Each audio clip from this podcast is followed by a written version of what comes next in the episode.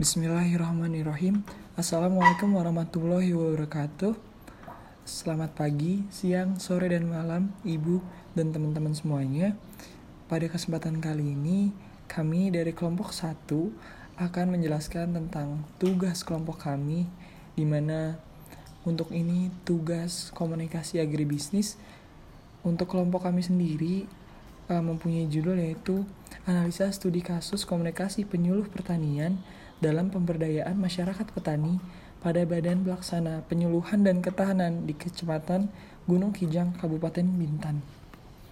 Oke, selanjutnya uh, aku akan menjelaskan tentang kasus komunikasi terlebih dahulu. Uh, next, oke. Okay.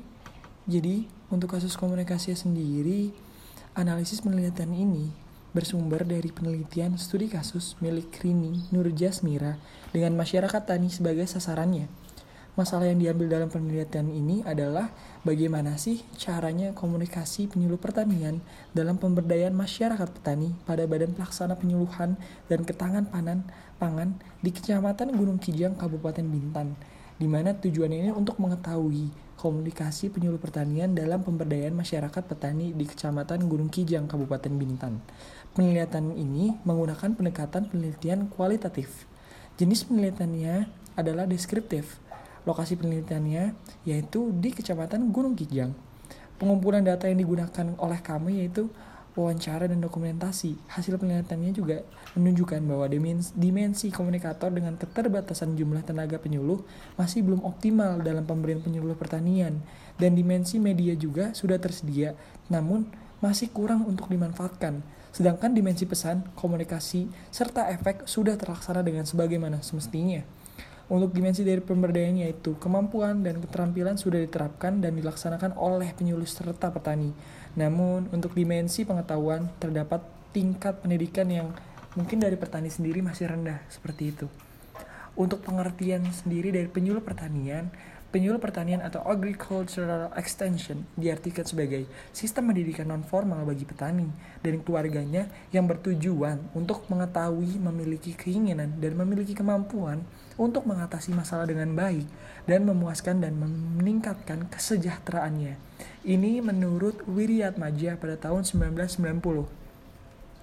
Selanjutnya, penyuluhan sendiri atau penyuluhan pertanian ini bisa berhasil dengan benar jika terdapat dukungan dari tenaga penyuluh profesional, kelembagaan penyuluh, kelembagaan penyuluh yang handal, materi konsultasi berkelanjutan, sistem manajemen dan metode penyuluhan yang benar dan tepat.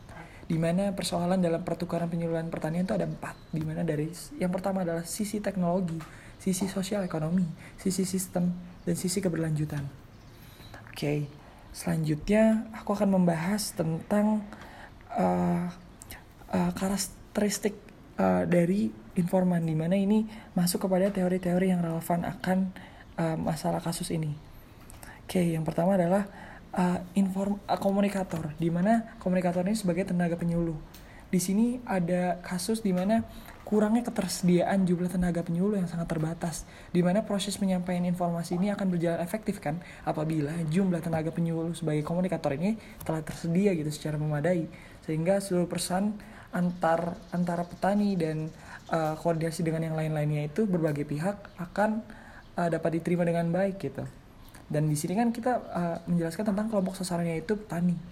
Terus yang kedua ada kendala juga di mana tidak semua calon tenaga penyuluh pertanian itu berhasil lulus sekolah di mana hanya sebagian saja dari mereka yang memiliki potensi dan uh, kualitas yang emang dari hasil sarjana atau lulus sehingga mengakibatkan keterbatasan jumlah tenaga penyuluh saat ini gitu. Oke, okay. untuk dari pesan sendiri Pesan di dalam penelitian ini adalah informasi dan pengetahuan tentang pertanian yang diberikan oleh tenaga penyuluh kepada para petani, di mana pesan yang disampaikan oleh tenaga penyuluh juga dapat uh, berupa ilmu, pengetahuan, informasi, motivasi, ataupun nasihat mengenai kegiatan-kegiatan para petani ini gimana sih untuk bercocok tanam yang benar gitu. Untuk bentuk pesannya, uh, untuk informasi yang disampaikan oleh tenaga penyuluh ini memiliki pengaruh besar terhadap pemberdayaan petani di bidang pengetahuan maupun keterampilan para petani di mana pengetahuan para petani ini melalui adanya penyampaian informasi akan menjadi semakin meningkat gitu. Mereka uh, tahu informasi banyak semakin banyak mereka semakin uh, meningkatkan kualitas produksinya gitu. Di mana perubahan pola pikir petani ini yang masih tradisional harusnya bisa menjadi modern ketika dapat uh, ketika dapat informasi yang banyak gitu. Peningkatan ilmu ini pengetahuan yang didapat para petani dikarenakan adanya proses penyuluhan tadi makanya mereka semakin pintar semakin kualitasnya naik gitu untuk dalam hal medianya sendiri di mana media ini merupakan alat bantu yang dapat digunakan untuk peran, digunakan sebagai perantara nih untuk penyampaian bahan yang digunakan oleh penyuluh kepada masyarakat petani sehingga apa yang diinginkan oleh penyuluh dan semua orang bisa diserap dengan baik oleh petani sehingga menjadi tujuan pembelajaran yang dapat tercapai gitu. Yang kedua, uh, penyuluh harus mencontohkan cara menggunakan suatu alat secara langsung seperti misalkan uh, media sebagai alat yang harus dipakai ini misalkan kayak cara uh, menggunakan alat-alat pertanian yang modern atau sebagainya. Yang ketiga juga media adalah sistem adaptif yang kompleks di mana seorang penyuluh harus adaptif terhadap penggunaan media yang inovatif menyesuaikan dengan perkembangan zaman. Sekarang lanjut kepada komunikan di mana petani ini menerima pesan yang disampaikan oleh penyuluh dalam penelitian ini yang disebut juga dengan komunikan. Informasi yang disampaikan oleh penyuluh diharapkan dapat dimengerti dengan baik oleh petani agar apa yang menjadi program petani terlaksana dan terrealisasi dengan baik sehingga tujuan-tujuan yang tersebut dapat tercapai tujuan yang diinginkan gitu. Di mana yang pertama ada poinnya itu pemahaman informasi yang disampaikan oleh penyuluh pertanian. Hubungan kerjasama antara penyuluh dan petani harus terjalin dengan baik sehingga hal ini akan memudahkan penyuluh dalam mensukseskan tujuan pemerintah dalam memberdayakan masyarakat petani dan mengembangkan pertanian ini sendiri. Yang kedua, informasi yang disampaikan oleh komunikan ini harus disesuaikan dengan kebutuhan apa sih, kebutuhan informasi apa yang dibutuhkan oleh para petani itu sendiri. Di mana kendala yang dihadapi oleh para petani ini menuntut untuk kemampuan dan pengetahuan tinggi di mana penyuluh ini harus terus ditingkatkan nih jadi penyuluh tuh harus lebih pintar untuk bisa uh, mengasih informasi ke para petani itu sendiri sehingga proses penyampaian informasi ini bakalan berjalan efektif karena tidak ada gap gitu antara petani dan penyuluh karena apa pun yang ditanyakan oleh petani dapat uh, dapat terjawab gitu oleh para penyuluh. Oke, selanjutnya ada efek. Efek ini menurut Wijaja adalah Wijaja tahun 2010 adalah Efek adalah hasil akhir dari suatu komunikasi, yakni sikap dan tingkah laku orang sesuai atau tidak sesuai dengan yang kita inginkan. Di mana jika sikap dan tingkah laku orang lain itu sesuai, maka berarti komunikasi itu berhasil. Begitu pula sebaliknya, kalau misalkan komunikasi itu tidak sesuai ya, ya berarti komunikasi tidak berhasil gitu. Efek ini sesungguhnya juga bisa dilihat dari pendapat pribadi. Yang pertama itu pendapat pribadi di mana ini merupakan sikap dan pendapat terhadap sesuatu masalah tertentu. Yang kedua itu ada pendapat umum, di mana pendapat umum ini merupakan penilaian sosial nih mengenai sesuatu sesuatu hal yang penting dan berarti atas dasar pertukaran pikiran antara dua orang yang dilakukan individu-individu atau individu kelompok atau kelompok dengan kelompok secara sadar dan rasional. Yang ketiga ada pendapat bagian terbesar dari publik atau masyarakat. Oke. Okay? Selanjutnya, uh, untuk bab selanjutnya yaitu uh, pembahasan. Karena pembahasan sendiri di mana pengaruh proses penyuluhan pertanian ini dengan prestasi kerja petani yang akan aku bahas. Di mana berdasarkan hasil wawancara yang telah dilakukan nih oleh para peneliti dapat disimpulkan bahwa kegiatan penyuluhan ini sudah terlaksana, dilakukan yang dilakukan dengan tujuan juga memberdayakan masyarakat petani, memberikan dampak positif terhadap pertanian di Kecamatan Gunung Kijang Kabupaten Bintan. Hal ini juga dapat dilihat baik nih dari hasil pertaniannya maupun kemampuan dari petani itu sendiri. Hasil wawancara juga menunjukkan bahwa hasil tani yang diperoleh mengalami peningkatan hasil pertanian yang lebih baik dari sebelumnya. Dari segi kemampuan masyarakat petani ini sendiri ditunjukkan dengan prestasi yang didapat dari pemerintah pusat, yaitu sebagai petani teladan tingkat nasional.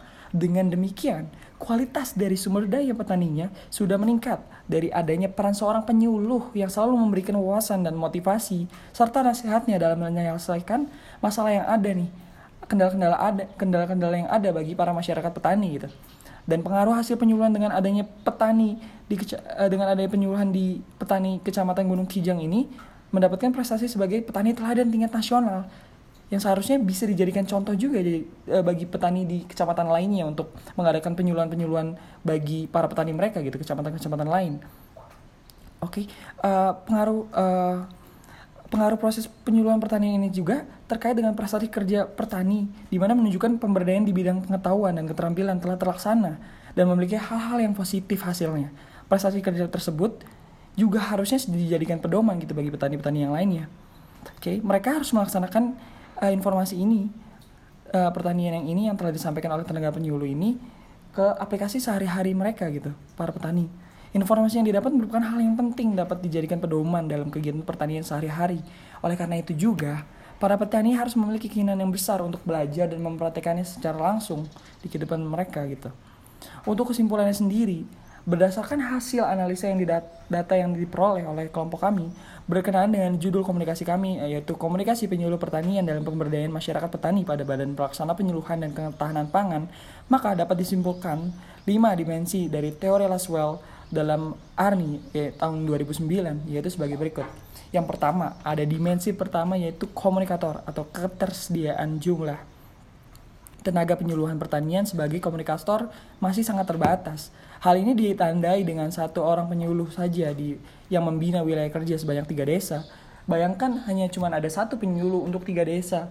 Bagaimana sibuknya seorang penyuluh tersebut gitu. Berarti kan kita emang sangat kekurangan akan penyuluh pertanian gitu keterbatasan tenaga penyuluh ini yang menjadi sangat kendala bagi uh, ke kemajuan di bidang pengetahuan dan keterampilan.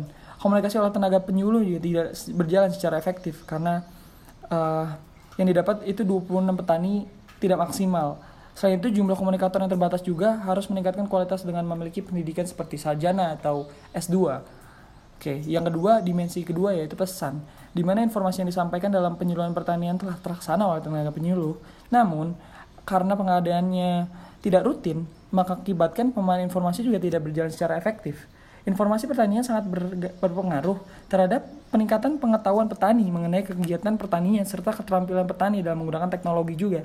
Akan tetapi ya petani, peningkatan keterampilan ini memiliki hambatan gitu karena tidak semua petani juga memiliki kemampuan untuk me mengaplikasikan alat-alat yang canggih tersebut gitu di bidang pertanian, maka harus uh, dilakukan penyuluh lebih lanjut gitu.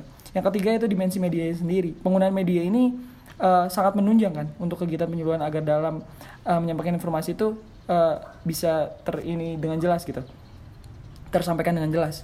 Di sini masih sangat terbatas karena media yang digunakan hanya berupa papan tulis dan mikrofon saja.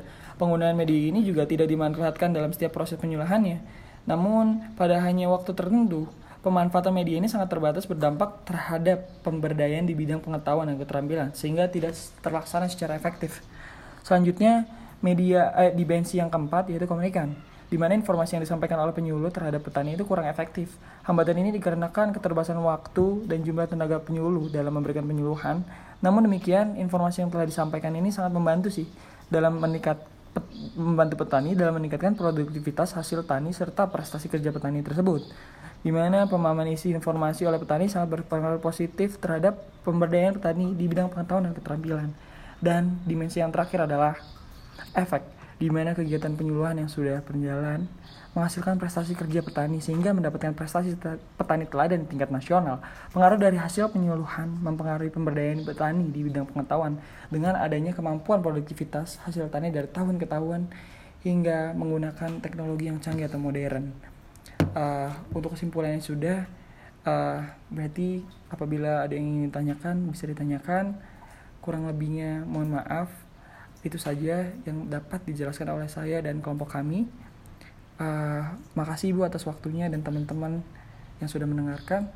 Uh, aku pamit undur diri dan wassalamualaikum warahmatullahi wabarakatuh. Selamat pagi siang sore dan malam ibu dan teman-teman semuanya. Terima kasih